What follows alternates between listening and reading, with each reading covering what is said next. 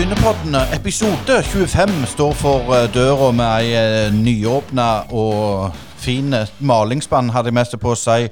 Tida går, Asker. Nå er vi 25 episoder, og neste så har vi holdt på med dette et halvt år, faktisk. Ja, tida går uh, usedvanlig fort, og jeg lurer litt på hvor den tida har blitt av. Men det har jo vært ei gild tid med sportslig suksess for Bryne, så vi har jo truffet godt med at vi begynte i år og ikke i fjor.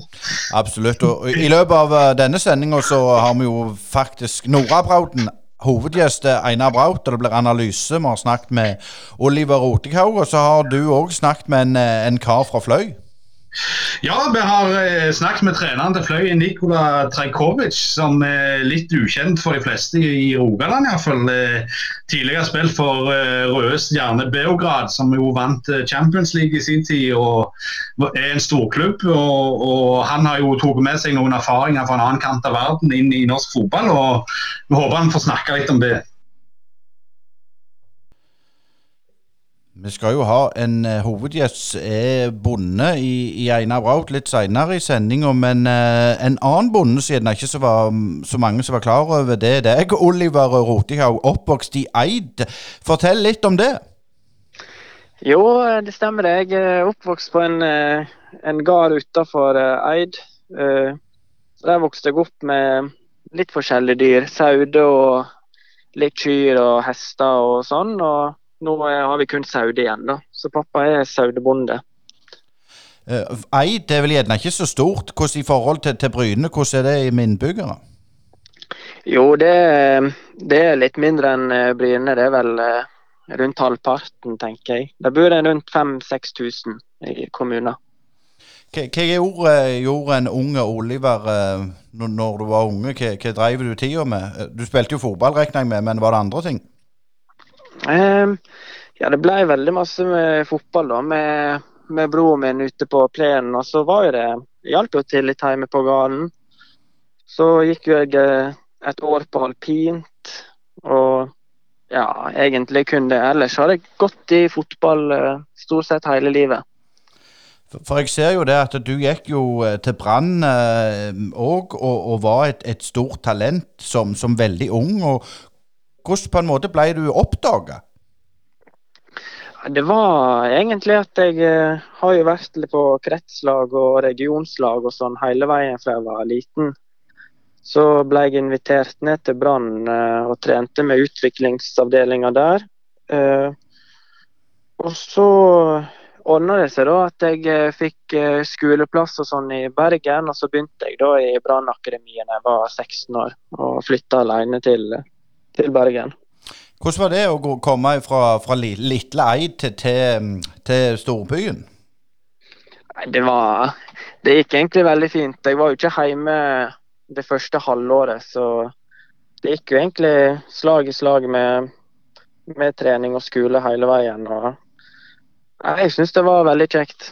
Og det er litt sånn når man er fra Eid og en litt sånn liten plass, så må man nesten ta et valg da om ganske tidlig om man vil satse på fotball. og Da valgte jeg, eh, valgte jeg Brann og Bergen. Det var det jeg syntes var det beste tilbudet da. For, for du fikk jo en debut på Brann sitt A-lag når, når, du var 16 år, vel, mot Ålesund, stemmer ikke det? Jo, det var en treningskamp. Så da var jeg 16 eh, år, ja. Og, og sånn. Men da var jeg veldig lite med A-laget i starten. da, så ble det egentlig mer og mer, og så fikk jeg proffkontrakt når jeg var 18. Og da hadde jeg noen kamper i Obos-ligaen for førstelaget, så jeg har tre kamper, obligatoriske kamper da, for Brann. Jeg ser du uttaler etter den debuten mot Ålesund at drømmen er Real Madrid. Ja. Det ble vel ikke eh, helt det? Nei, eh, det, da har jeg fryktelig dårlig tid på meg hvis jeg skal klare det. Men eh, jeg har jo alltid liksom hatt uh, drømmer stort og har alltid hatt store ambisjoner. og Jeg har jo fortsatt uh, store ambisjoner, men uh, selvfølgelig, man må være litt realist. Ja, for du er, du er jo 23 og, og, og tida di i Bryne, men, men, jeg vil litt tilbake til en dato, om, om du klarer å huske, huske 15. februar i 2016? 15 Nei, Det husker ikke jeg, nei. Nei, for etter mine, mine beregninger så debuterte du på landslaget mot Portugal, da? Nei, det var på G Det var på G19, det, hvis det stemmer. Ja, stemmer det. Ja, jeg hadde debuterte på G18 ca. et år før, mot Russland. Ja, for du har jo hatt en, en, en, en, På en måte, når du var veldig ung, så var du veldig god. Hvordan var det på en måte når det ble litt trådere å motivere seg? For du gikk jo til Florø etter du var, var i Brann. Ja, men selv om jeg liksom tok et steg ned da jeg gikk til Florø, så var det egentlig et steg opp i forhold til kamparena og rykka opp der og spilte fast Obos-liga istedenfor å spille liksom fast uh, andrelagsfotball i Brann i tredjedivisjon. Så det var jo egentlig et bra steg sånn sett. Men så har jeg hatt veldig mye skader. Uh, jeg har hatt knekt hånd og måtte operere den. Og jeg har knekt leggbeinet, røka akilles, ribbebein og litt sånn. Så det har kommet veldig masse skader som har gjort at jeg ikke har på en måte fått spilt en full sesong. da. Og det er jo selvfølgelig tøft å motivere seg til når sånne ting skjer og man blir frisk, og så kommer det en ny smell. Men nei, det hjelper ikke å gi opp, iallfall.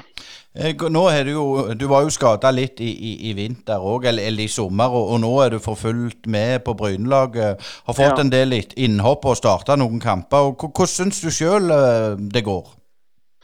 Jo jeg skulle jo gjerne ha spilt mer, selvfølgelig. Den kom jo på et veldig dårlig tidspunkt, den meniskskaden, og ei uke før sesongstart. Så jeg tror kanskje jeg hadde spilt litt mer hvis den ikke hadde kommet. Men så har laget gjort det veldig bra, da, det er jo veldig kjekt. Men da er det selvfølgelig vanskeligere å komme seg inn på et lag som, som vinner veldig mye og vil ligge i toppen. Så da er det bare å ta de sjansene jeg får og være bra på trening og kunne bidra de minuttene jeg får, iallfall. Ja, for det er det jeg alltid har sagt. Det er jo det som er problem, eller utfordringen. Når, når laget vinner, så, så, bytter de jo ikke. Nei. Men sånn for din egen del framover, hva, hva ambisjonsnivået er? Jeg nevnte du var 23, så du har jo ennå mulighet å, å stige i, i, i, divisjonssystemet. Ja, nei, jeg har jo Nå eh, får vi se hvordan det ender nå på slutten, da. Men eh, nei, jeg har jo jeg har ambisjoner om å komme meg opp i tippeligaen og og prøve utlandet en gang. Og en ny kultur og sånne ting. Det er jo en drøm jeg har. og ja, hvis det ja, Jeg tenker i hvert fall at man må ha litt sånne ambisjoner hvis man vil opp og fram, og det vil jeg. Så da er det i hvert fall Å kunne prøve seg i en utenlandsliga er noe så jeg, så jeg har et mål om nå, da. Når det gjelder målet, det, Eid der har jo fostra Assar Karadas bl.a. Og, og, og din ja. bror var jo, var jo, eh, vinner av, av Farmen i, i fjor. Eh, så, så, så, det er jo noe, så det er jo muligheter. Ja. Assar er jo en eh, Jeg har jo brukt han litt som sånn mentor når jeg var i Brann. og Snakka mye med han. Han gikk jo til Brann sjøl da han var 16 år, fra Eid. Så Assar er en jeg, har ikke hatt noe særlig kontakt med han i det siste, men han er en jeg alltid kan ringe til hvis det er noe. Og han er en veldig god mann. Det er han. Det som gjerne ikke så mange er klar over, Oliver, eh, det er jo eh, at du har en, en kjæreste eller samboer som har vært med i Paradise Hotel. Og for, for en litt sånn gammel kar som meg, så eh, Hvordan er det på en måte å være, være med, med en kjendis? Nei, jeg ser nå ikke hun på, på henne som en kjendis, da, men eh, nei, vi, vi kjente hverandre før det òg, men da var det da var det ingenting seriøst eller noe sånt. Og så møttes vi et par ganger etter hun hadde vært med på det programmet. og ja, det var ganske god stemning og kjekt. Så da er nå vi sammen nå. Og, men hun oppførte seg fint inne på Paradise Hotel, da, så da får det gå fint. Det var ikke noe var, Hun fikk ikke skjenn av deg etterpå, altså? Nei, absolutt ikke. Så det, det er noe jeg er glad for. Men helt nå, helt til slutt. Eh, eh, hvordan ser du på kampen nå eh, mot, mot Fløy til helga? Jeg tenker at det er kun tre poeng som er godt nok. Men Fløy det er, det er et bra lag. Det er det absolutt. Vi, vi sleit jo litt mot de første Eller første gang vi spilte mot dem, men eh, Nei, jeg tenker tre poeng. Det kunne så godt nok nå mot Fløy. Ja, da var det igjen klar for analysehjørnet, og så må vi ha en liten sånn en som dette. For uh, du, Evensel, du fulgte år uh, onsdag den 14., og gratulerer med dagen. Tusen hjertelig takk. Så satser jeg på at bursdagsgaven blir tre poeng på lørdag. Ja, det er viktig. Jeg vet ikke, jeg, Asker. Nå har ikke vi fått, fått snakket så mye. Skal, skal, du begynne, eller skal jeg bare fortsette? Bare kjør på. Jeg kjører på, det er bra. Ja, 3-3 i Asker. Når du har sett og analysert, hva, hva sier fasiten? Fasiten sier det at vi er fornøyd med mye. Vi er fornøyd med at vi kommer tilbake igjen, ligger under 2-0 og kommer tilbake igjen og tar ledelsen 3-2. Det er vi veldig fornøyd med. Så er vi fornøyd med, med andre omgangen. Der vi har mye ball. Vi får brukt uh, Romslo mye inne sentralt. Vi finner Dypevik mellomrom. Vi styrer mye. Og Det er ikke mange ganger i år at vi har spilt motstanderlag uh, så lave i så store deler av kampen som vi gjorde i, i andre omgang.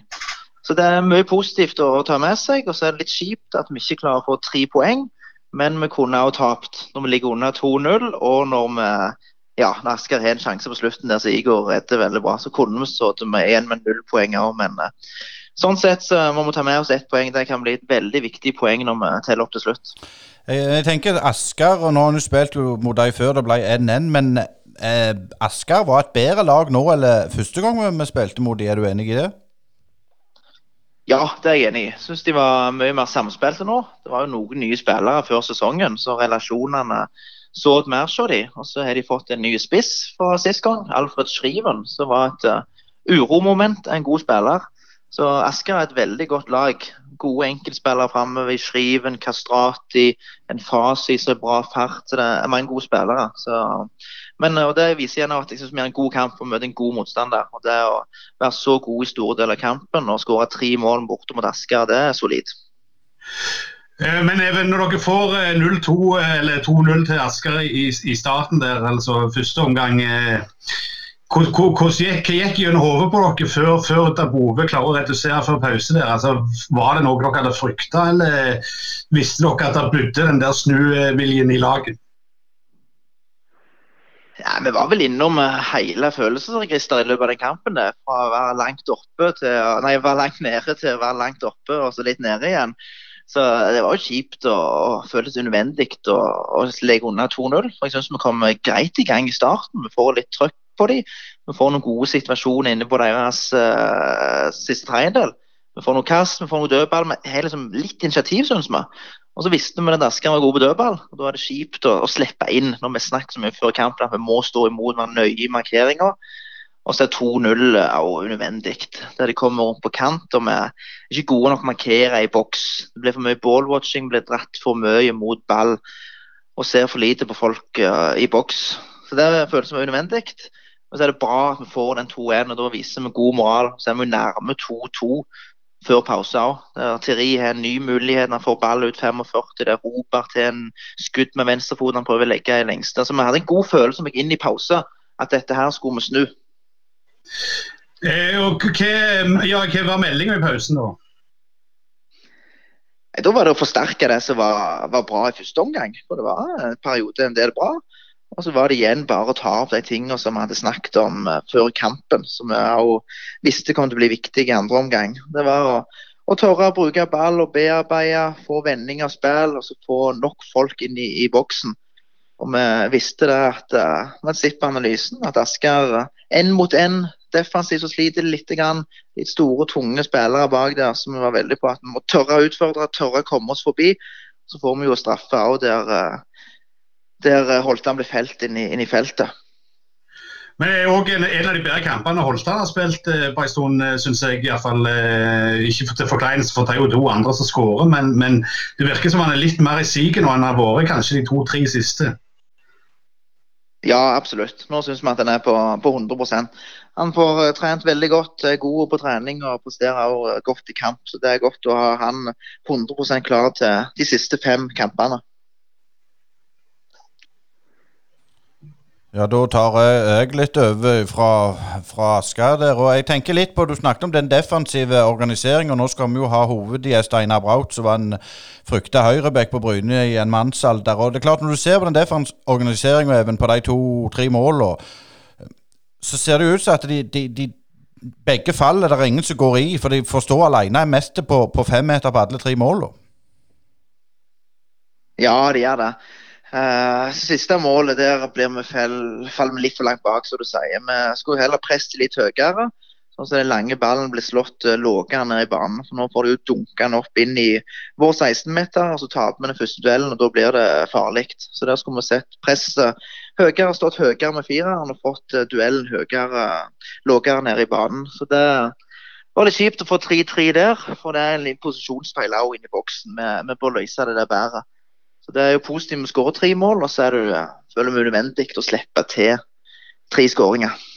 Før, før, vi går over til, til, til helgas kamp, så klart Asker har jo tapt bare to kamper. Så eh, ett poeng er jo egentlig veldig bra. Ja, ja, ja, absolutt. Og det tenkte vi før kampen. Her skal vi selvfølgelig gå for tre poeng, men får vi med oss ett poeng, så er det ganske bra, det. altså. Med tanke på at vi møter et godt Asker-lag på bortebane. og Da får med oss ett poeng, så, så, er vi fornøyd med det. og Det kan bli viktig. Selv om igjen det er veldig surt at vi ikke får tre. Og vi syns vi hadde fortjent det ut fra spill og sjanser, sånn som det ble. Ja, for andre omgang så dominerer en jo totalt. Men, men, men uansett, det ble ett poeng, og, og fløy hjemme nå på, på til helga. Det er vel lørdag klokka to den går på Bryne stadion. Og nå er det mulig med 600 tilskuere. og det, det, vil jo gi, gi laget en boost, forhåpentligvis. Men hvordan ser du på den? Det, det ble seier sist en møtte Fløy. Ja, nå sikter jeg litt på Asker og Bryne var første serierunde før vi skulle ha kampen om mot Asker, for å se hvem var gode til den kampen, og hva Asker var gode til. Så får vi se hva utbyttet vi får av å se kampen mot Fløy på Bryne stadion sist. for Det var jo en litt parodi av fotballkamp med vannkrigen der. Så det var det litt tilfeldighet i den kampen der. Og Da gikk det mye på, på, innsats og vilje. Men der var vi gode mot Fløy, og det må vi være gode til nå på lørdag òg. For Fløy er godt kollektiv. De er gode på dødball. Fysisk godt lag. Så vi må gjøre som hovedgjesten dere sitter på Einar og trykke til i hver eneste duell. og Da skal det være gode muligheter for seier. Hvordan er det med skadesituasjonen? Er alle mann alle? Ja, alle mann alle er friske. Eneste er jo Petter, som vi snakket om tidligere. så Sliter litt med ettervirkninger av en hjernerystelse, men han er jo i framgang. Ikke helt klar til å trene for fullt ennå. Så er vi har vært på landslaget. Han er òg tilbake igjen nå. Så vi har ja, mange spillere å velge i. Så det er som vanlig god konkurranse om plassene på laget, og òg faktisk om å være med i den 20-mannstroppen. Eh, hvordan ser han nyervervelsen ut fra, fra Nardo? Marius Sandvik er bra, det visste vi jo. Vi har sett en del videoer av han og har sett kampen med vi hadde mot dem sjøl live, og da la vi merke til han etter kampen. og Da holdt han var god, men vi syns Sandvik hadde god kontroll på å holde han den kampen. Og Da er du en god stopper. da. Og Det har han vist på trening òg. Det er en bra duellstopper. Han er klok og god med ball. så det er en veldig bra spiller. Det får vi se om vi får bruk for han. Det er jo ikke sikkert det. for Vi har stoppere som presterer godt, og nå er vi òg tilbake. Men det er viktig å ha god backup på alle plasser.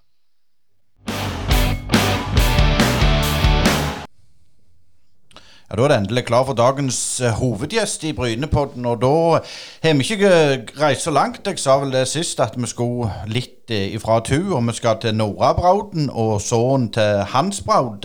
velkommen til Brynepodden, Einar Braud. Takk for det. Det var gildt å få komme her og snakke med deg. Ja, Asker. Det er ikke ofte vi har en ekte bonde på, på Brynepodden. Nei, det er vel eh, Einar og Gabriel eh, som er de store bøndene. Og så vet du den største bondesønnen av de alle, det er jo Carlo Angelotti, som vokste opp på en gard der de produserer ost. Ja, ost, Einar, det er det ikke så mye av på gården din. Vi skal jo snakke om fotball, men vi må jo snakke litt om, om, om eh, melkekvoter og, og slikt òg.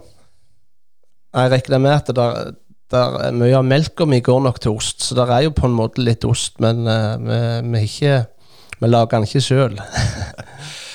men, men eh, du har jo spilt på Bryne, og, du kom der i, i 93. Men, men, hvis vi går litt før det, så vet jo jeg at du var Klepp-spiller. Og du har sagt til meg at du hadde vel gjerne ikke sånn kjempeambisjoner om å bli en toppfotballspiller, hadde du det?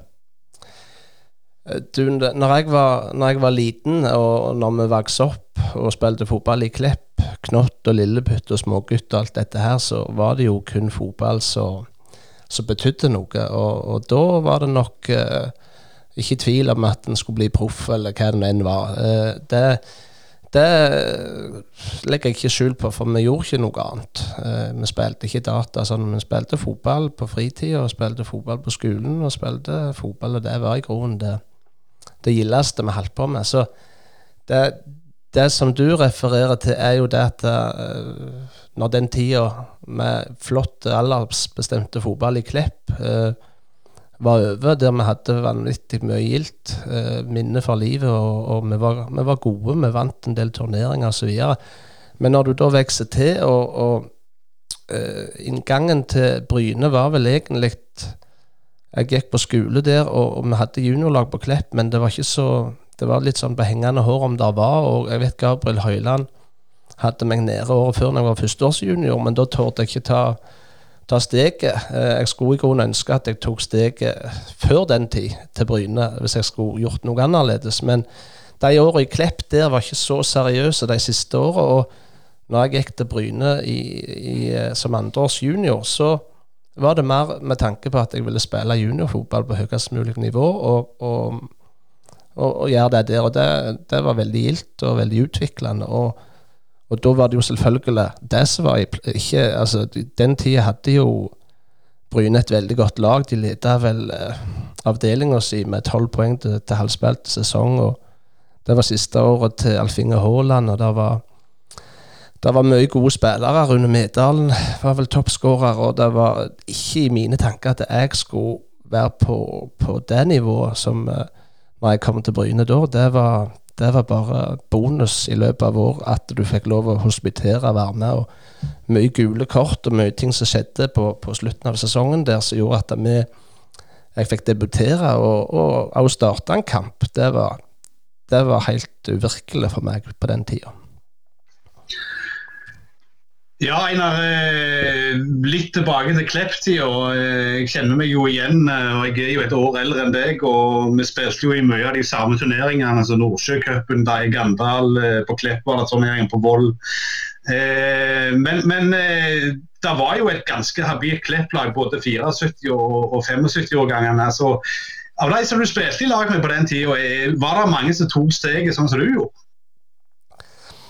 Det var det største talentet på Klepp var jo alltid regna for å være Morten Haaland. Han var 74-modeller, han kjenner du jo til. Og han var, var tidlig uh, tatt opp, uh, og så videre. Så han, han var jo på landslaget uh, etter en kretsturnering da, uh, ja, og, og var en, en, veldig god spiller. Og han han ble jo værende i Klepp da eh, til jeg vet ikke om det var 5-96 eller noe sånt. Noe.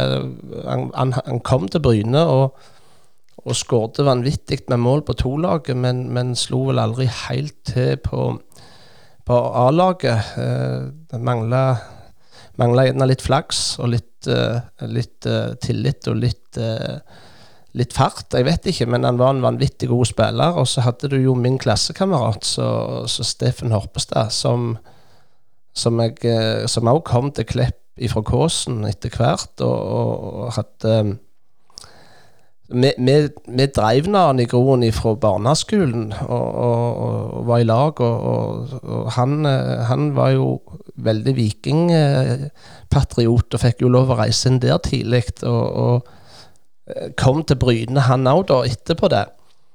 Reidar B fikk han vel inn igjen, og litt sånn, men, men han ble ikke heller så gammel. Jeg husker ikke hvor lenge han var, men uh, det er jo ofte sånn. Det er jo ikke alltid at uh, du skal ha litt uh, flaks, og så skal du ha litt stayerevne. så Det kunne fort ha blitt en kortere affære for meg òg i Bryne, men men jeg, jeg, jeg sto i det og hadde litt oppturer, litt nedturer. Men, men, men det er litt sånn, du må det er mange som sikkert kunne vært med lenger, som var gode på den tida. Uh, så det var gode spillere, absolutt. Rune Ostli ville de òg ha han litt eldre, da, men det var, det var, litt Det var mange gode spillere. du eh, da kom til Bryne og, og ble tatt opp i avstanden, eh, hva slags klubb var det du kom til? Hun? Eh, hva slags klubb jeg kom til? Til Bryne? Altså til A-laget? hvordan, var Bryne på den tida? Altså, hvordan var A-laget på den tida? det- følte? Det var jo, det var jo veldig godt. Eh, Det var jo, det var jo en finne, og det var, det var jo det var mange spillere som eh, var, det var jo et lag som skulle gå rett opp. De leda jo, eh, jo kraftig eller Jeg tror det var med tolv poeng etter halvspilt sesong. Og det ble jo en sånn en Jeg fikk jo være med i den der kvaliken og, og se på Jo Laland satte det der han håndkleet over hodet etter kampen. Jeg var med da, så, så vi skulle jo det, det var jo opprykk det året. Det skulle være Hausbrekkane, begynte de å snakke om igjen, og dette her styret som hung, fra den tida, perioden der. Men, men eh, det var jo en eh, Jeg husker jeg så på benken der han borte mot godset, og de ropte på noen jævla bønn og noe greier. De hamra gjerdet i boksen. Så det er klart at for meg så var det det var en opplevelse bare å få, være med. Jeg spilte ikke i den kampen, men jeg, jeg tenkte vel sånn at eh, for meg hadde jeg ikke fått ta det, tok dette her inn over meg. Det var ikke en stor skuffelse for meg. Det var bare en, en opplevelse å få lov å,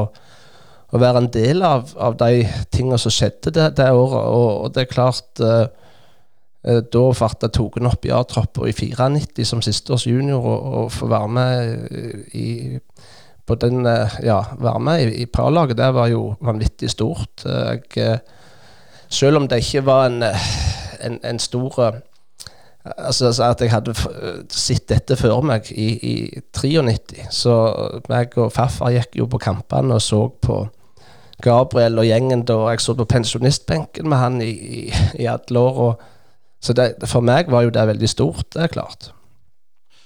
Men, men jeg husker jo òg deg, Einar og, Steffen. Dere var jo de beste på ungdomsskolen. Og det gikk jo gjetord om at Steffen skjøt en hest. eh, Og, det er litt artig å se deres karriere. Ikke noen forkleinelse for, for Steffen eh, sin karriere, men klart, du drog det lenger. Og hvis jeg er veldig stygg, så følte jeg når jeg så dere når vi var på samme alderen, at han lå langt føre deg akkurat da. Er du enig i det?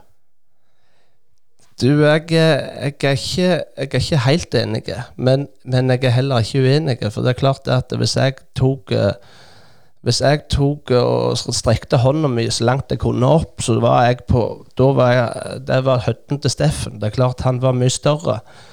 Men, men vi, vi var veldig forskjellige. altså Han skjøt jo hardt, og han var en type sånn midtbanekriger og, og sånn, mens eh, jeg var vel eh, Toppfarten min var nok gjerne ikke så mye raskere enn han, men, men fotballmessig så, så, så kunne jeg gå med ballen, drible med ballen og springe og takle og gjøre mye annet. Så eh, vi, vi var vi var eh, gode på hver må- måte, kan du si, og i lag så var vi jo òg veldig gode. Og det er klart, når han kom til Klepp, eh, når vi var eldst aldersbestemt, så, så, så spilte vi mot Bryne og slikt noe, så hadde vi aldri problemer med å, å takle de lagene rundt oss. Vi var, men, mens når vi ble eh, med de som var ett år eldre, så, så, så hadde jo Bryne med seg Magnus Grødem og Apeland og, og Morten Sørensen, og da ble det tettere, og som regel de som vippet det. Men, men det er klart, den fysikken til Steffen, eller den størrelsen, gjorde at han òg ble dreid opp tidligere på Klepp i A-lag og sånne ting, og de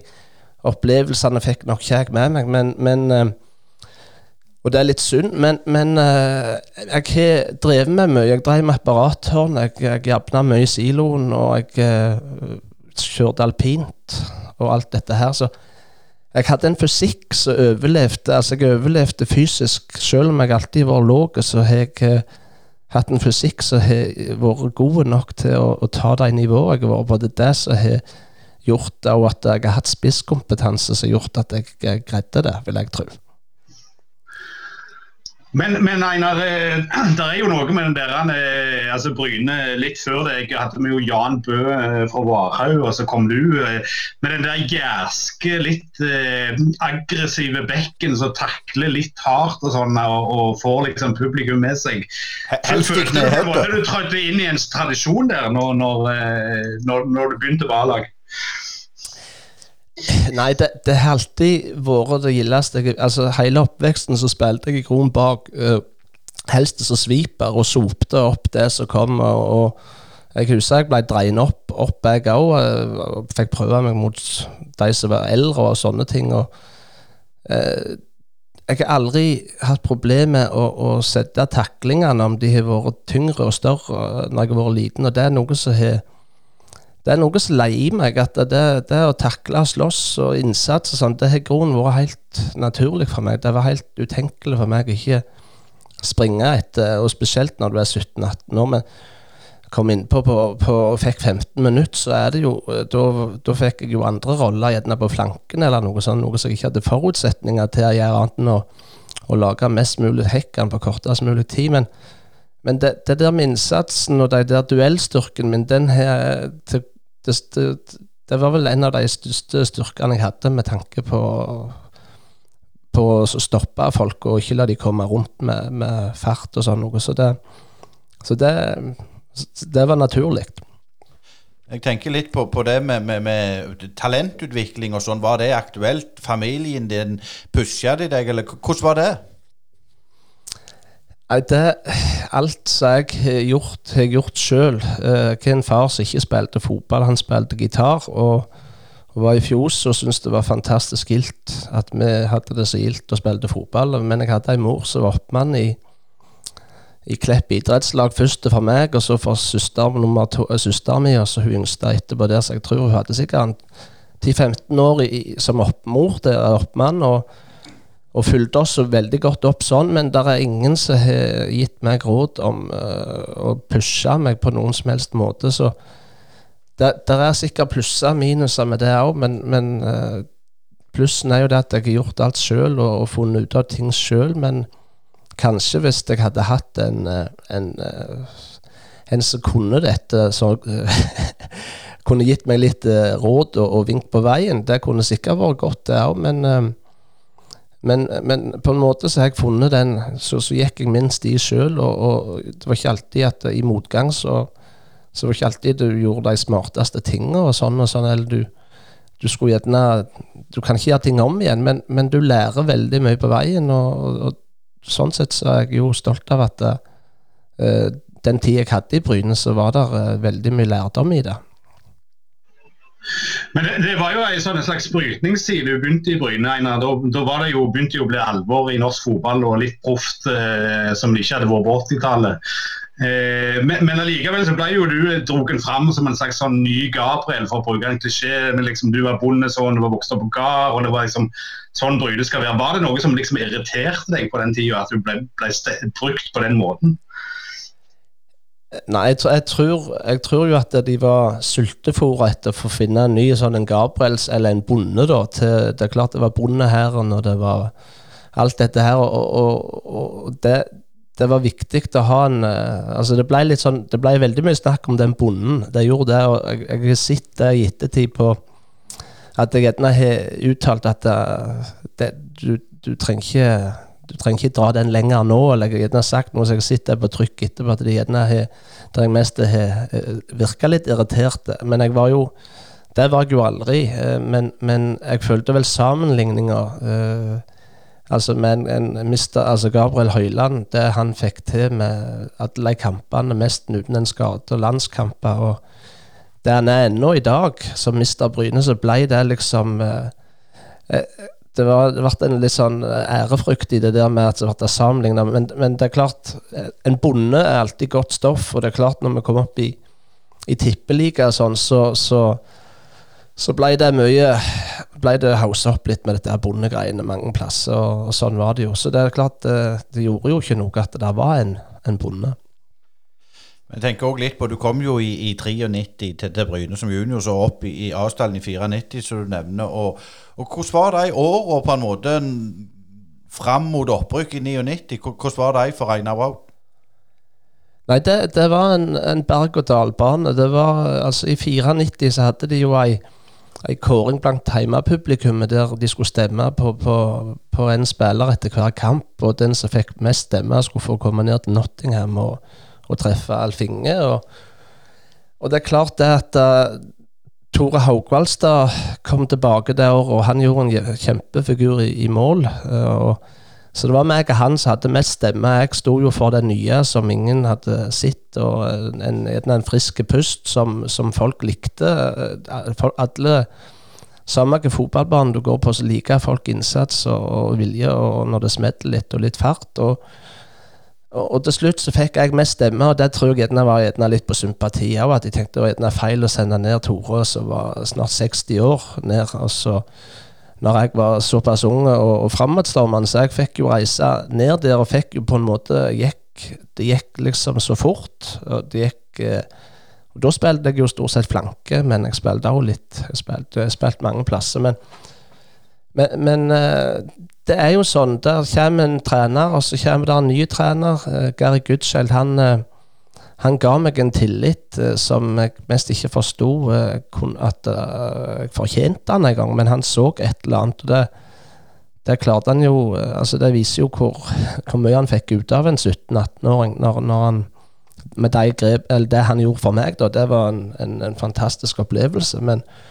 han sa helst bare til meg du, du skal spille for oss. Ja vel, sa jeg. Skal jeg det? Jeg er ikke, ikke klar, jeg. Men, men eh, han, han, eh, han, var der. Og så hadde jeg litt tøffere år med, med Trond, men det gikk litt opp og ned. Vi hadde, vi hadde høydepunkter i kuppen i 95 der vi slo Viking med 6000-7000 på stadion. Spilte Cato Horpestad fikk skåra, og det var artikkel i Jærbladet med Kjell Olav der vi med bønn. Han holdt på med noen hester og noe greier. Det var det samme greia igjen. Men vi fikk jo uh, begge solide roller i den kampen der, og det var uh, så kommer der, uh, så kommer trenere og trenere. Den tida med Kenneth Rosén er vel gjerne den gildeste tida med opprykk.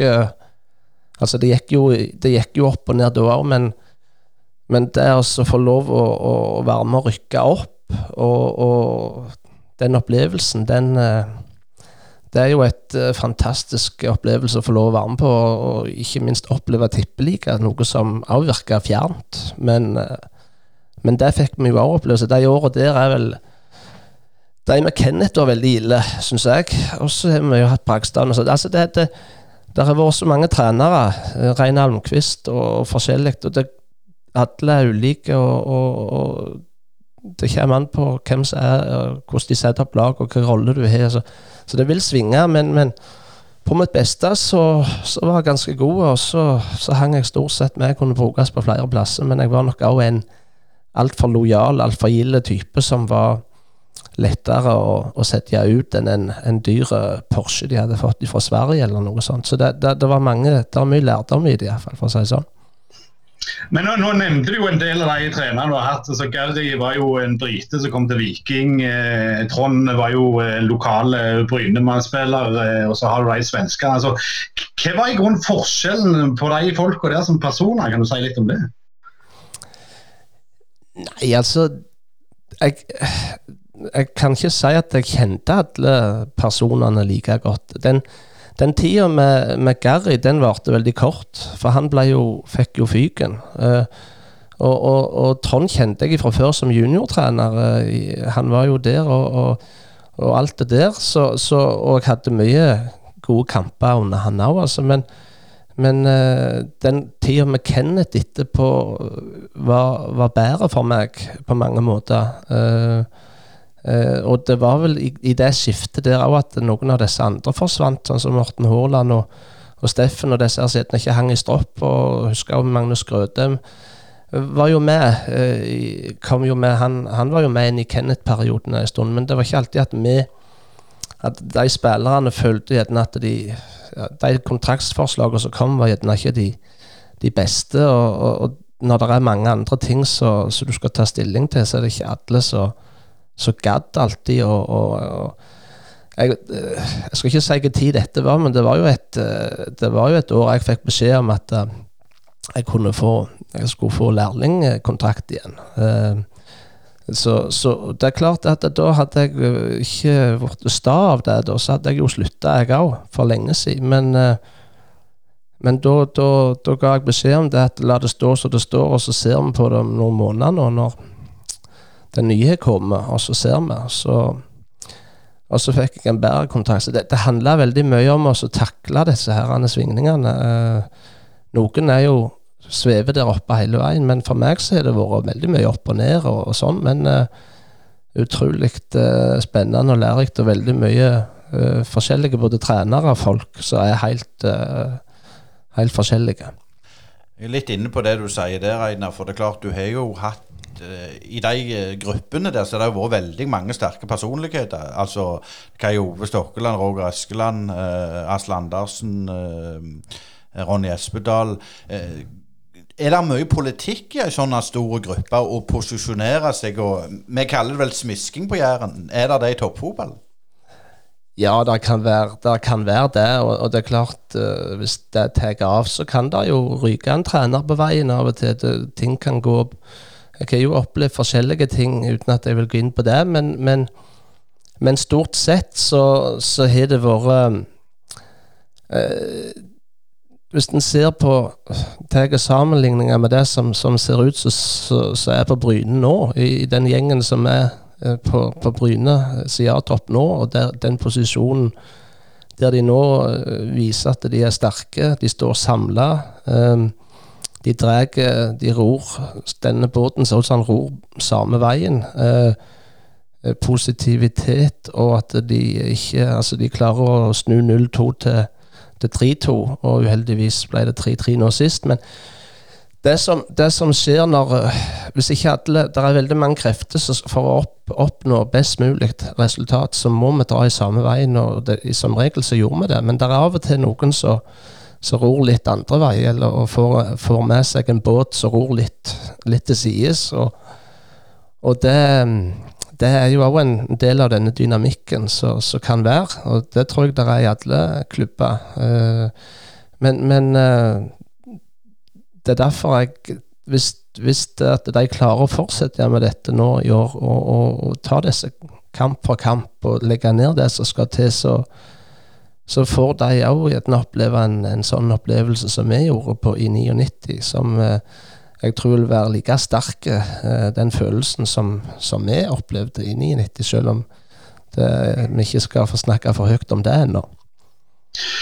Men Einar, eh, under Rosén og senere med Reine Almqvist, så, så, var det jo ganske mange svenske spillere som kom til klubben. Altså, det var jo iallfall halve laget en periode. Eh, hvordan endra det dynamikken i garderoben og, og forholdet dere spillere imellom? At det var såpass mange som kom fra et annet land og, og ja, de snakket jo samme språk, mer og mindre, men allikevel. De kom fra, fra, tross alt fra en, en annen stad.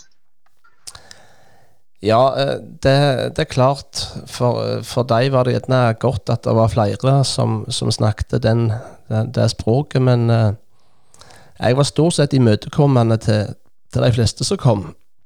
Og, og, og, hadde ikke så mye problem med det. Men det er klart det kunne nok uh, skape litt litt klikka av og til, eller litt sånne ting. Men stort sett gikk det greit. Uh, vi fikk uh, vi fikk jo tilbake en galning fra Brusane, og da uh, Bent Apneseth, som var med i denne perioden. Og, og, han var ikke verre enn at han ga de nokså uten foten, de som ikke gjorde jobben, eller samme hva det var.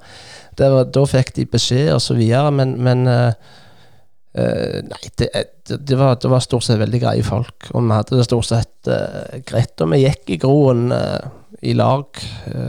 hadde gjerne feira en seier i lag med mange av disse svenskene etter kampen. Og det er sånn det skal være. Du skal jo Det gikk stort sett greit, må jeg si. Ja, vi har jo hatt Peter Olofsson i, i Brynepoddene nå, Peter Hørling. og, og han var jo en intelligent mann og har mastergrad i, i, i det meste. og du hadde vel gjerne ikke så mye med han å gjøre, da? Nei, altså, Peter var en smilende, trivelig kar som uh, som gikk uh, som, som, var litt spesiell. Han uh, hadde nok sine nei, spesielle interesser. og Så han forklarte, så bodde han litt alene i begynnelsen, og sånn og sånn, og hadde gjerne mye, mye press på seg, og så videre. Men det var en gild kar. Jeg var hjemme hos han etter hvert som han fikk besøk av denne kona. Han, eh, han likte Deep Mode. Det var ikke så mange som visste hvem det var her på dette laget. Jeg òg syntes de var ok på 80-tallet, så, så vi det, Jeg husker bare Peter som en veldig grei, ærlig og, og, og profesjonelle type, som, som uh, gjorde en god jobb for Bryne. Men da i de eh, første årene dine, var det noen som på en måte du følte tok litt vare på deg og guida deg fram de første årene? Er det noen du vil nevne deg på, på 90, tidlig første halvdel av 90-tallet som var viktige for deg i utviklinga? Eh, jeg, jeg, klarte meg stort sett uh, greit, men, men, det er klart jeg hadde veldig respekt for, um, for den, uh, de som var eldre enn meg, og, og, og, sånn som det var. og Det tror jeg uh, det tror jeg gagna meg, at jeg heller fikk Jeg husker jeg husker at vi hadde oppvarming og skulle holde ballen i laget. og, og de hadde jo Svein Enersen, Hulken som de kalte han på den tida. Han gikk alltid marmende rett ut når han skulle inn i dusjen og, og blæste seg opp og, og greier. Men uh, han var jo en, en, en tøffing. og, og og jeg hadde ballen, og så bare drog jeg han av først én gang, og så en gang til. Da ga han til alt han kunne for å ta meg, men han sklei unna meg, og da sier kom Jo Laland bort til meg etterpå og sa det, det, det, der må du det der må du passe deg for, for han, han dreper deg neste gang. Altså, da, var han redd han skulle brekke føttene på altså, Han tålte ikke det, sa han. Men det gikk veldig greit. Han, han gjorde ikke det. Men han brakk nesen min en gang, kommer jeg på nå. Men uh, det var ikke med overlegg, så Nei, vi, vi, vi, vi, fant oss til rette, og, og respekten, den fikk du. og det er klart, de minste de må bære mål. De skulle, eh, de skulle gjøre ditt og datt. og Jeg husker Sjur Jarle Hauge en gang skulle, skulle, legge meg ned på treningsfeltet, men han greide det ikke. Det ble litt pinlig for han, og så, så lo han, og så gjorde han aldri mer det, han heller. Så det var det gikk veldig greit. Men vi hadde der alltid et hierarki, og det er alltid en eh, Du må på en måte du må på en måte bare stå i og, og, og gi gass, og så, så går det godt. Vi må jo selvfølgelig innom din, litt din spillestil, for du var jo stort sett back i, i tippeligaen. Det må vi vel uh, være enige om. Men det er klart, når det gjelder mål og målgivende Hvis vi tenker på i dagens moderne fotball, så er jo en back en helt annen enn det du var. Er du enig i det? Ja, altså på mange måter så kan jeg være enig i, i det, det. Men det, det, var vel det som gjerne ble uh, altså min min svakhet var vel gjerne at jeg aldri var reindyrka i en, eh, en, en rolle. Jeg var jeg har spilt venstreback, høyreback, jeg har spilt uh, som en av tre bak. Jeg har spilt sentralt og vært frimerke på Rekdal for øyelegger for andre. Og, og, Gary spilte jeg spiss med en gang, og det, det tenkte jeg det, nå har du iallfall gjort feil. og det, det slapp jeg å gjøre mer da. Men, uh, så, så, jeg var litt sånn potet som kunne brukes til og Hvis jeg spilte flanke, så brukte jeg jo de defensive kvalitetene for det det var verdt. Altså hadde jeg en 30 sjanse til å, å, å, vinne ballen, så, så, prøvde jeg. Og hvis det var en, hvis det var en duellmulighet med den bekken, så, så, så heiv jeg meg i han og, og, og kjørte på. For det, det er klart en en slepen flankespiller, f.eks., han, han går jo forbi og er litt redd av og til. Men nå, nå spurte jeg av, for det var at du spør om bekken, du, nå, ikke sant? ja, jeg gjorde det. for det. men, men der, der, der, der, fikk jeg jo selvfølgelig bruke de defensive kvalitetene til å, at, å ikke slippe så mange forbi. Men det offensive, eh, altså foten til Knut Sirevåg på innlegget og sånn, den var nok bedre enn min. og, og derfor så ble det òg mye eh, mye Knut var jo en rein back. Han kunne brukes litt på, på flanke og slå noen innlegg, men hadde gjerne ikke den farten og kom ikke så godt rundt. Gjerne, men han, han hadde en, en fin fot, god forståelse. Altså det, det er et rollespill. Det er alt etter hva du, hva du ønsker å oppnå her. Og, og, og, mine kvaliteter kunne være gode å ha i flere posisjoner. Derfor så ble det vært av litt forskjellige oppgaver. Ja, nå Jeg bare avbryter igjen, for nå svarer du ikke på spørsmålet. Nei. Nå må jeg ta den strenge tonen. For det er klart, hvis du ser en høyreback i dag det, liksom, det er litt forskjell på, på Altså, Nå spør jeg gjerne dumt, men jeg følte før så var det, var det, var det Becken sin oppgave å hindre mål, men, men ja, Det er helt sant det du sier der. Altså, jeg, jeg reagerer mange ganger på bekkene når jeg ser i dag at de, de, de rygger og rygger og lar de få komme. Altså, du kan du kan, mens hvis du ser på Liverpool, og det offensive i de bekkene der, så, så når den ene vingen slår den ene bekken slår inn til den andre som skårer, så, så, og alt det med, med det angrepsvåpenet, så, så, Men det prøvde jo Vi prøvde jo òg alltid å komme på lapp og varme og doble osv., men, men den den offensive bekken som vi ser f.eks. på Liverpool og disse andre topp... topp altså, de er så gode i dag, de, de, de beste, at de, de, er jo de er jo rå på alt, uh, egentlig. Men, men, av og til så, så savner jeg litt uh, den trøkken defensivt på en del av bekkene. Men Einar, i, i, mange av de årene du var aktiv, altså fra 93 og 94, eh, Norge går til VM for første gang siden 38, og Rosenborg gjør det godt i, i Champions League. Eh, mens du eh, stort sett spiller eh, storparten av 90-tallet på nivå 2, eh, var det noen ganger du fikk noe tilbud fra, fra klubber som var et hakk opp, og, og var det noe du vurderte om å gå til andre klubber? Nei, altså jeg tror, jeg tror, nok at det var muligens noen flere som, som beit seg litt merke med meg i, i 94, og for så vidt i den andre ganger. Men men eh, jeg har aldri hørt om konkrete ting, og for min del så så var jeg nok gjerne litt, litt for uh, litt for glad i, i, i, situasjonen som jeg hadde. For jeg kunne bo på Braut, og så kunne jeg spille uh, fotball på nivå to eller Obos-nivå som, som, i dag. Og òg etter hvert få oppleve tippeligaen i, i, en klubb som Bryne. Så, så var jeg nok litt fornøyd med det. Eh, jeg skulle nok vært Jeg måtte vært mye sultnere hvis jeg skulle ha gjort så mye mer ut av det. Men, eh, men jeg syns det var det, Bare det var godt. Og det er sikkert flere spillere som kunne, som kunne gjort det godt og, og, komme lenger i Bryne, men jeg tror flere av de som jeg tenker på her nå, de, de syns òg det var godt å være i Bryne og var fornøyd med det. Og det er jo en del av greia. Eh, hvis du skal dra dette veldig langt, så må du være veldig sulten. Men klart, Over de mange hundre kampene med sagt, på, på, på A-lagsnivå eh, eh, i Bryne Vi skal vel gjerne ikke avslutte den karrieren, for, for det er andre klubber òg. Men, men, hva var høydepunktet, da, hvis du tenker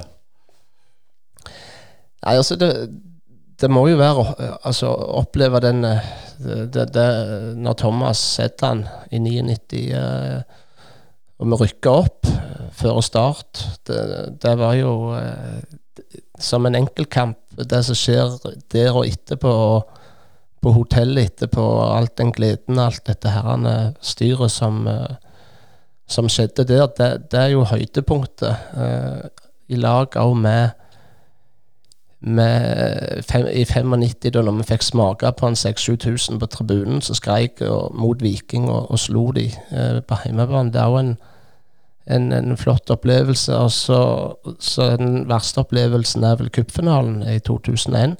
Så jeg ikke husker mest resultatet på, for det har jeg fortrengt. Men eh, da, var, da, var, jeg jo ikke Jeg var på benken, men jeg, jeg var ikke med. Men, men det, skulle, det kunne vært et høydepunkt.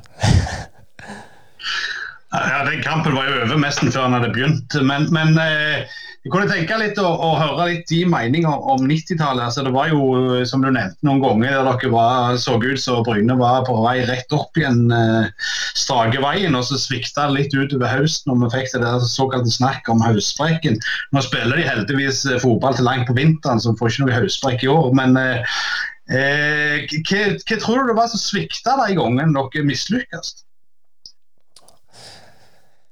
Det, det, det, er veldig vanskelig å si. Det, det er litt sånn sammensett. Akkurat det der housebrekken var jo veldig mye tema. Eh, jeg vet ikke om vi tenkte på det, men eh, Men, men eh, det, er, det, det, var jo et par av disse åra som òg sleit litt. Vi holdt vel mest på å gå, ikke gå ned, men det var ikke langt ifra det ene året. Altså, det var jo ikke sånn at vi hang med i, i, i så, det opprykket som de skulle hatt i 93, når jeg debuterte den sesongen, eller kom til Bryne, da hadde de jo vært græle nemme i mange år. Eh, så, så, hadde vi jo en periode der vi, vi hang greit med, gjerne bare for halvdelen, men vi var aldri eh, vi var aldri der at vi Ja, ja, vi nimte oss vel en kvalik en gang innimellom. Men det, det, gikk litt sånn i, i bølgedaler mange av de årene. Og det året som vi greide det, så var det gjerne Det var, det var faktisk litt overraskende på samme tid. Det, det, det lå jo ikke i kortet heller at vi skulle gå rett opp, men det var jo den skåringen og de resultatene som gikk vår vei, som gjorde at det,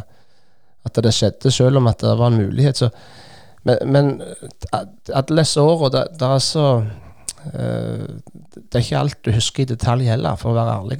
Det, det, det levde sitt liv eh, hvert år. og Nye spillere inn, og spillere som gikk, osv. Så videre, så, så, men, men vi hadde ikke veldig mange år der vi holdt på å rykke opp, altså før det skjedde.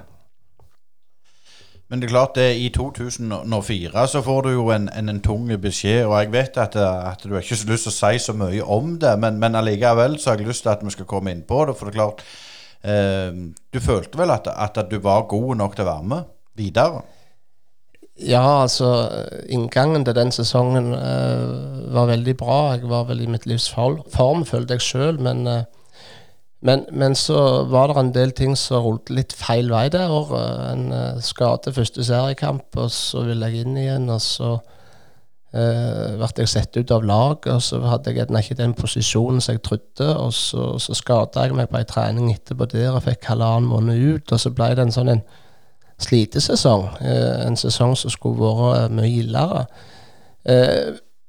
Og, og, og, det er klart, når du da ikke får eh, blir sett på som en ressurs som er viktig å ha med videre, så var gjerne den det var gjerne det som var, var den største skuffelsen. Men, men, så er det jo sånn at eh, hvis situasjonen er som er, sånn som den var for meg da, så, så var gjerne ikke forutsetningene heller for å, for å lykkes på best mulig måte. Gjerne heller til stede på, på slutten, der det ble litt mer sånn uh, det ble litt, uh, litt, litt spesielt.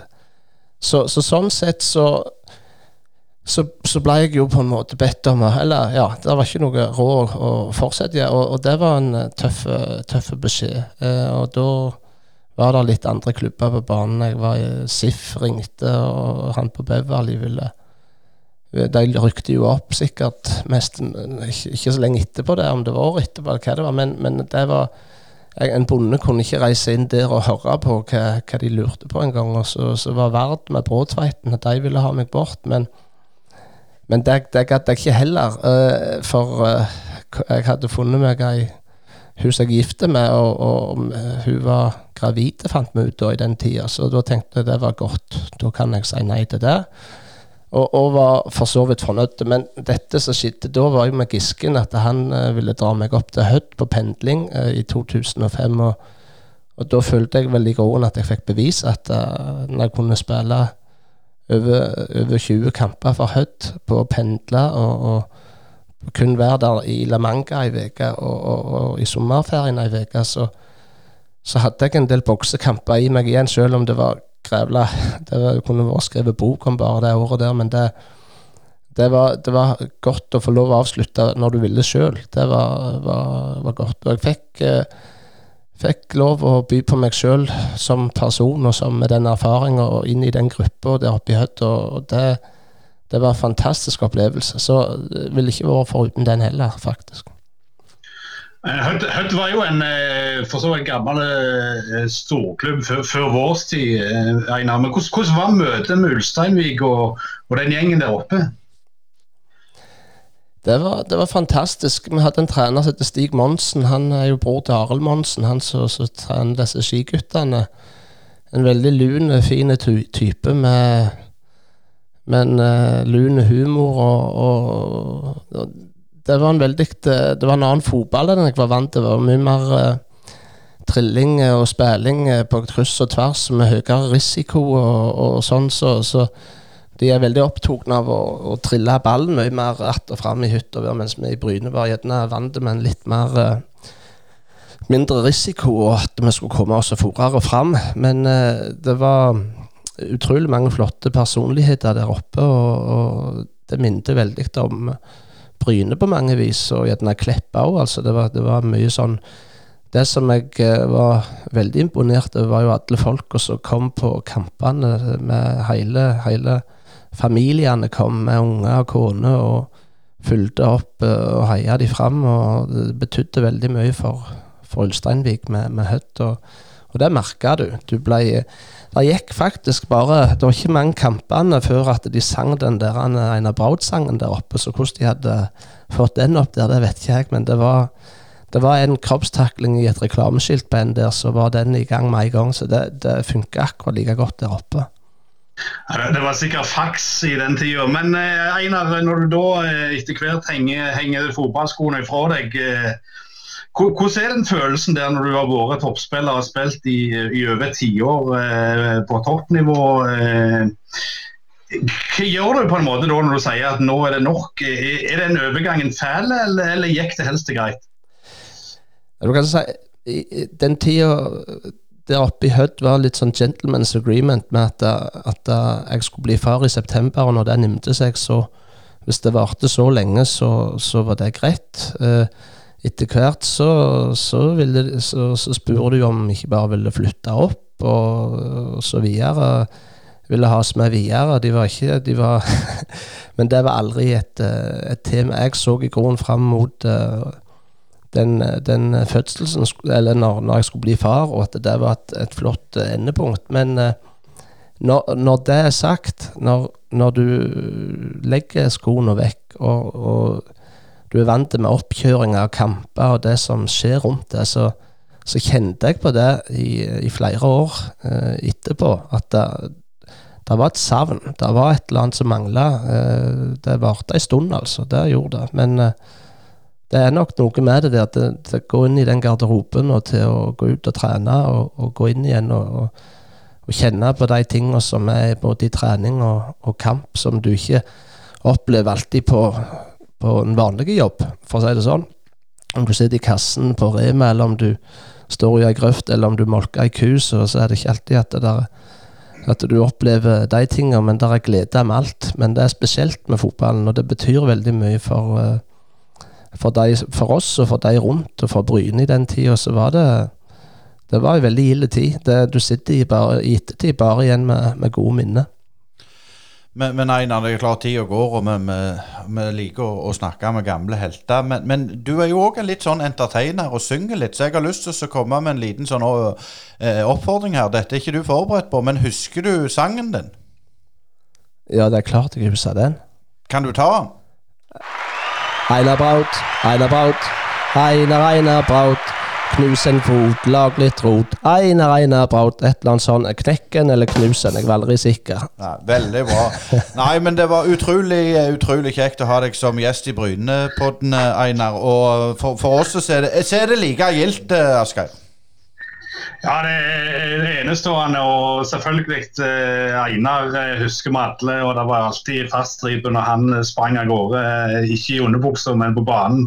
Og det var en mann som ga 100% og kanskje den typen som Einar var litt vekk fra dagens fotball.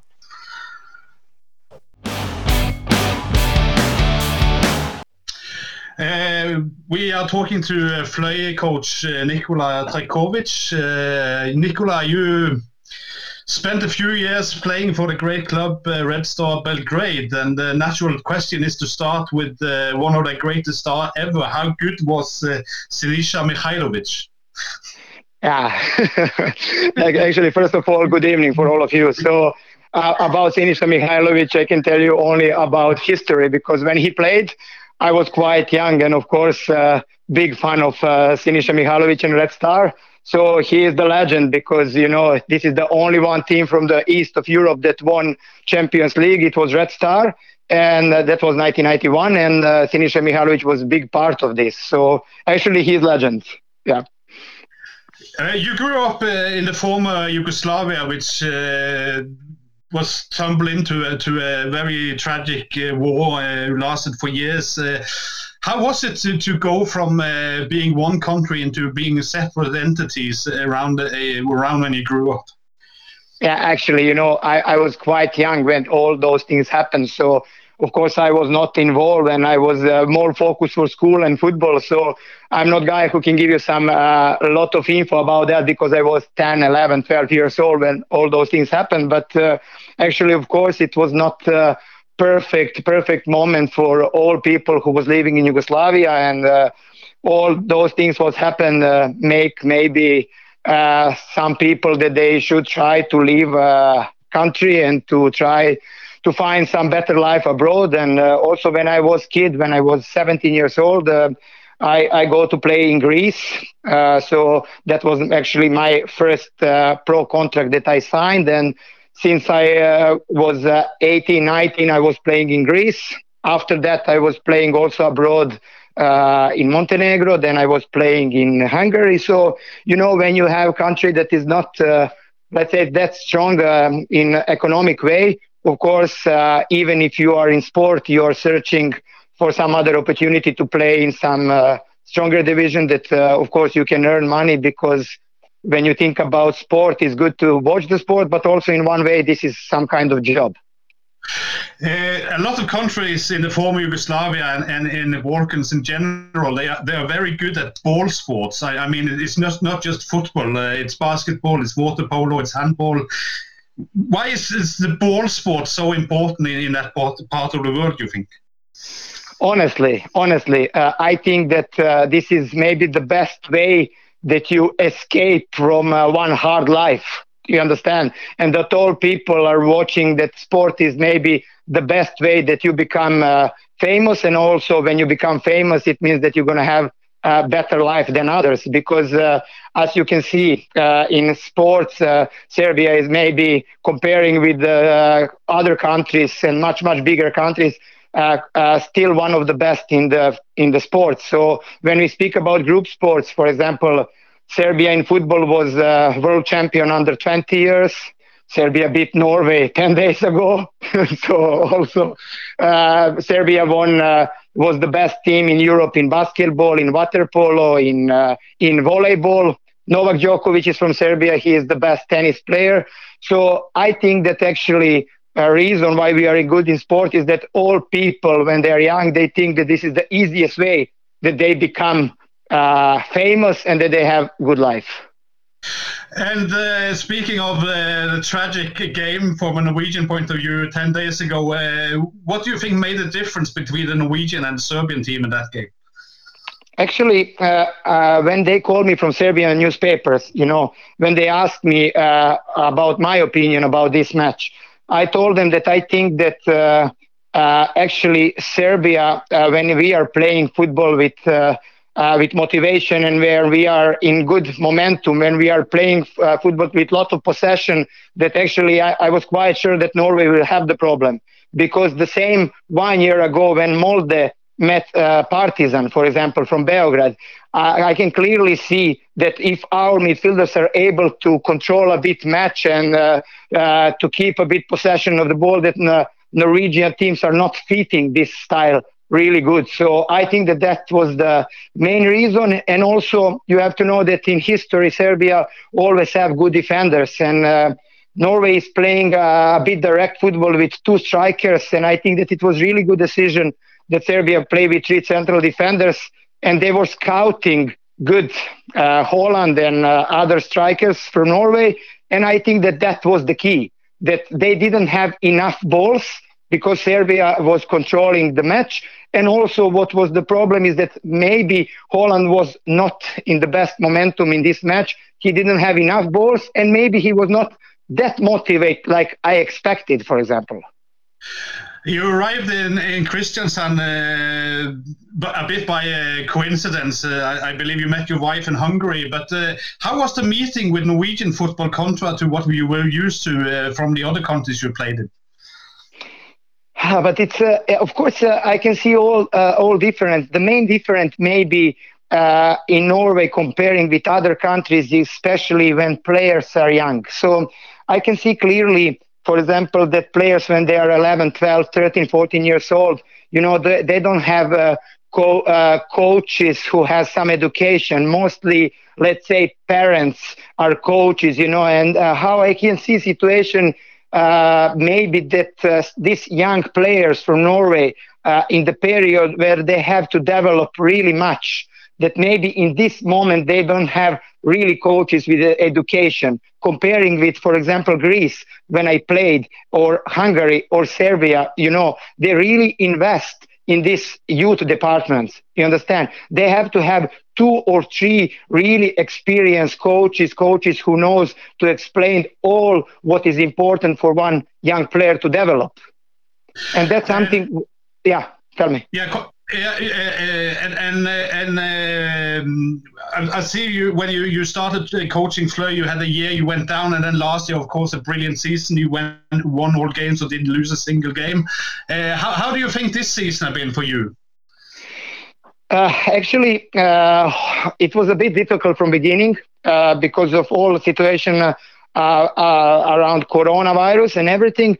Uh, and also uh, from beginning of the championship uh, when we finally let's say set up one good team unfortunately we lost some really important players like Lasse Sigurdsen and uh, Hegi Andersen. Both of them are was crucial players for my team.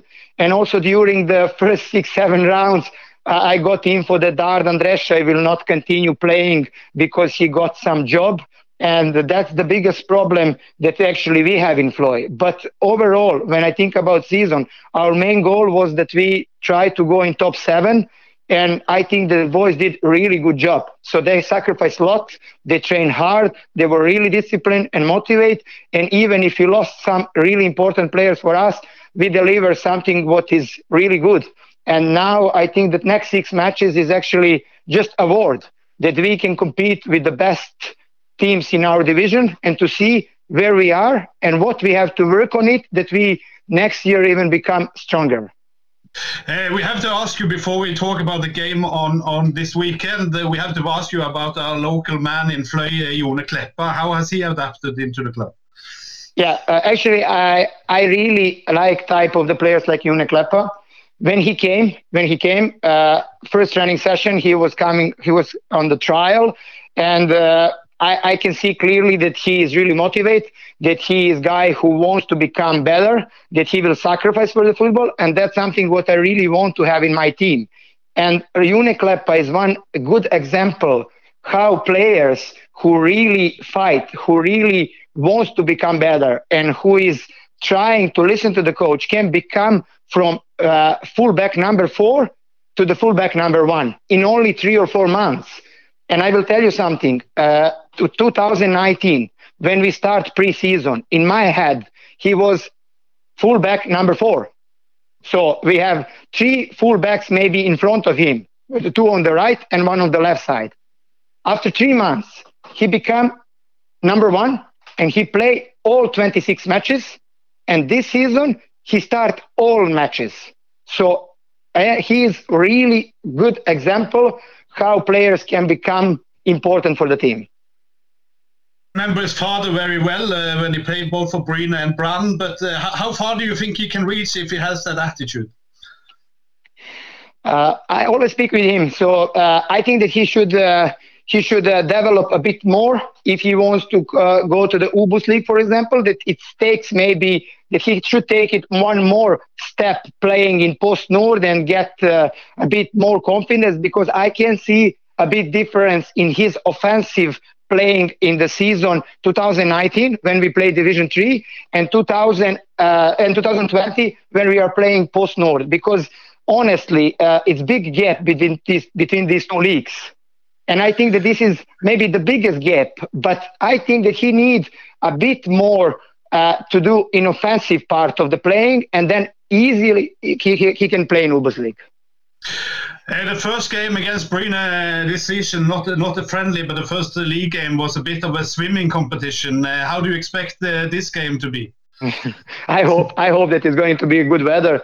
Actually, uh, I I really enjoy to play against Bryne. Uh, so, for example, when we played 2018 two matches, we played one one in in Bryne, and also I I got your call uh, before the match in Flekkerøy, and we, we won 4 0, what was really, really strong performance. So uh, I can tell you that uh, I really enjoy to play against Bryne because Bryne is uh, a team with history, Bryne is team with tradition, Bryne is team with good economy. And uh, as a football player and now as a coach, I always wanted to to uh, compete with the best. So I think that we are ready to compete with Bryne. And I hope that field will give us possibility that we play more football than, let's say, some fighting duel, what was uh, case in first match. And finally, uh, what is your own ambitions as a coach? I have, uh, of course, I was always ambitious, and uh, when I was football player, and now when I'm coach, so I'm trying uh, first of all to represent myself in Norway uh, because uh, I can be honest with you, I had offer from one club who is playing like Ubus level in Serbia, and I was uh, contacted uh, by one coach to be assistant in, T- in Tip Liga in Serbia. Uh, but uh, since I decided to live with my family here, I have to try to build my own career in uh, Norway. And of course, it's a bit harder because uh, nobody knows me in the in the Norway. But I think that way how I want to do it, that I'm step by step show represent myself to all the other clubs that uh, maybe I can uh, soon reach some higher level. I really hope. Nikola Trajkovic, thank you very much for speaking to us. Yeah, th thank you very much. Thank you. Ja, da var episode 25 ved veis ende, og vi ser fram til neste uke når vi skal runde halvåret. Men eh, vi hadde spenning, eh, spennende sending, og du fikk snakket litt med han Oliver. Ja, han Oliver eh, han var, var bonde, han, og det var litt artig. Det var ikke jeg klar over. Og, og broren han eh, vant Farmen i fjor, så, så nå gjenstår det bare for Oliver å, å komme inn på Brynelaget. Men det var utrolig kjekt å, å treffe han. og, og Nora Brauten, det var ikke så rent lite kjekt å, å drøse med han òg.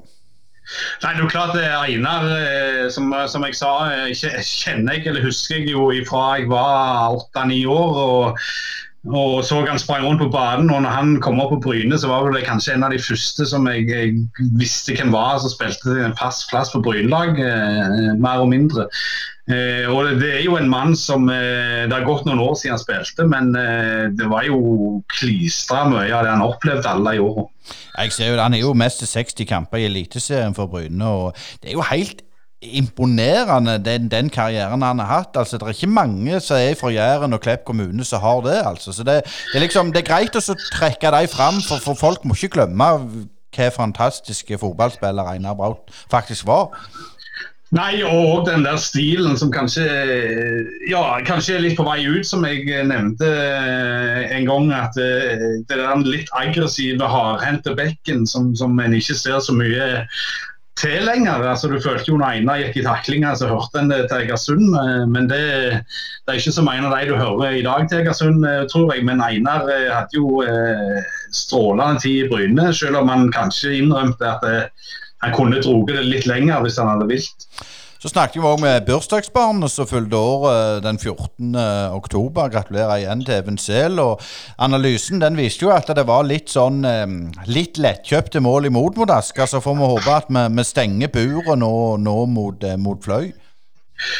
Ja, vi får egentlig håpe at det går bra. og Værmeldinga ser eh, ganske grei ut, så jeg tror ikke det blir noen repriser den der antifotballkampen vi hadde sist. og Der vi var heldige med at ballen stoppet i noen vannbytter og sånn. Men eh, jeg tror det skal bli en fin eh, høstdag på Bryne mot Fløy.